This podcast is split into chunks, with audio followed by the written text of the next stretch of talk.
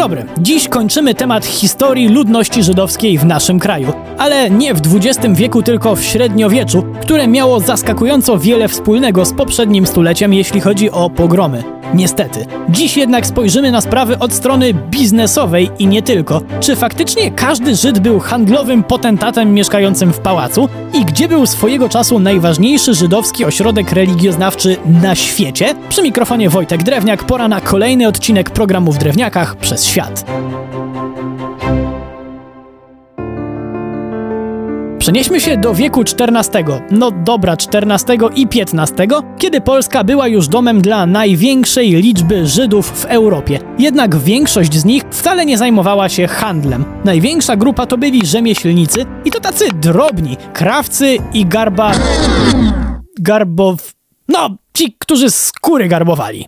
Większość Żydów mieszkała w miastach, bo nie mogli kupować ziemi. Niektórzy jednak znajdowali dla siebie miejsce poza murami i zakładali karczmy czy młyny. Sami albo w ramach współpracy ze szlachcicami, którzy cenili sobie, że tak powiem, obrotność wielu Żydów. Umiejętności zarządzania kasą doceniali też najważniejsi w państwie, to znaczy władcy. Żydzi często znajdowali więc pracę jako poborcy podatkowi. Czy przysparzało im to przyjaciół wśród zwykłych szarych ludzi? Oczywiście, że nie. Szczególnie na wschodzie, na terenach dzisiejszej Ukrainy. Nie dość, że Żydów często nie lubiano, bo byli Żydami, to jeszcze reprezentowali chrześcijańską władzę, ściągającą ciężko zarobione dobra. Warunki mieszkaniowe Żydów w średniowiecznym mieście nie różniły się w sumie niczym od innych. Było ciemno, brudno i ciasno. Ciasno było zresztą nie tylko w izbach, ale i na ulicach. To nie było zbyt dobrym rozwiązaniem na wypadek pożaru. Te wybuchały dość często i momentalnie opanowywały wiele domów, które w większości były z drewna. Kamienice zaczęły powstawać dopiero w XVI wieku. Zakładając, że pożaru akurat nie było, to była na przykład epidemia, bo o kanalizacji można sobie było pomarzyć. Zazwyczaj jedna izba przypadała na rodzinę. Jak ktoś miał całe mieszkanie dla siebie, to był super bogaczem, ale oczywiście była też mała grupka krezusów.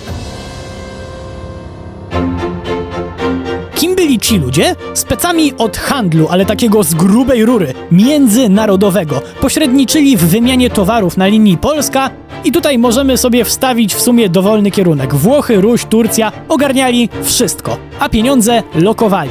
Jedną z lokat były, co tu dużo mówić, pożyczki i to nie byle komu. Chyba najpopularniejszym wierzycielem wśród polskich Żydów był Lewko, syn Jordana z Krakowa, któremu kasę wisiało kilku kolejnych naszych władców.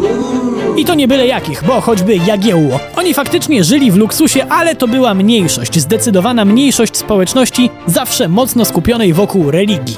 No właśnie.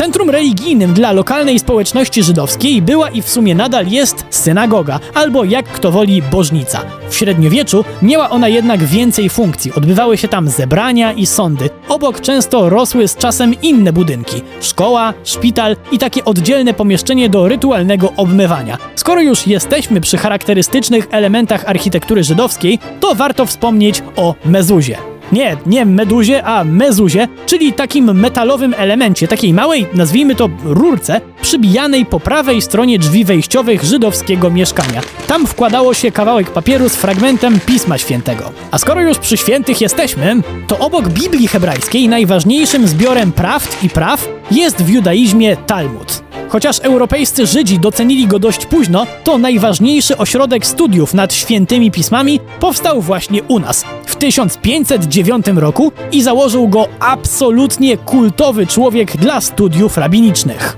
Jakub Polak. Dziewięć lat później jego uczeń założył ośrodek w Lublinie i bardzo szybko okazało się, że stoją one na tak wysokim poziomie, że jeśli ktoś chciał na poważnie zagłębić się w święte żydowskie pisma, to musiał udać się na ich studiowanie właśnie do nas.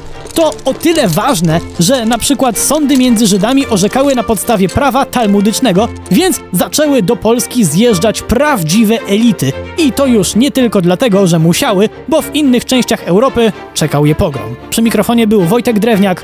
Do usłyszenia.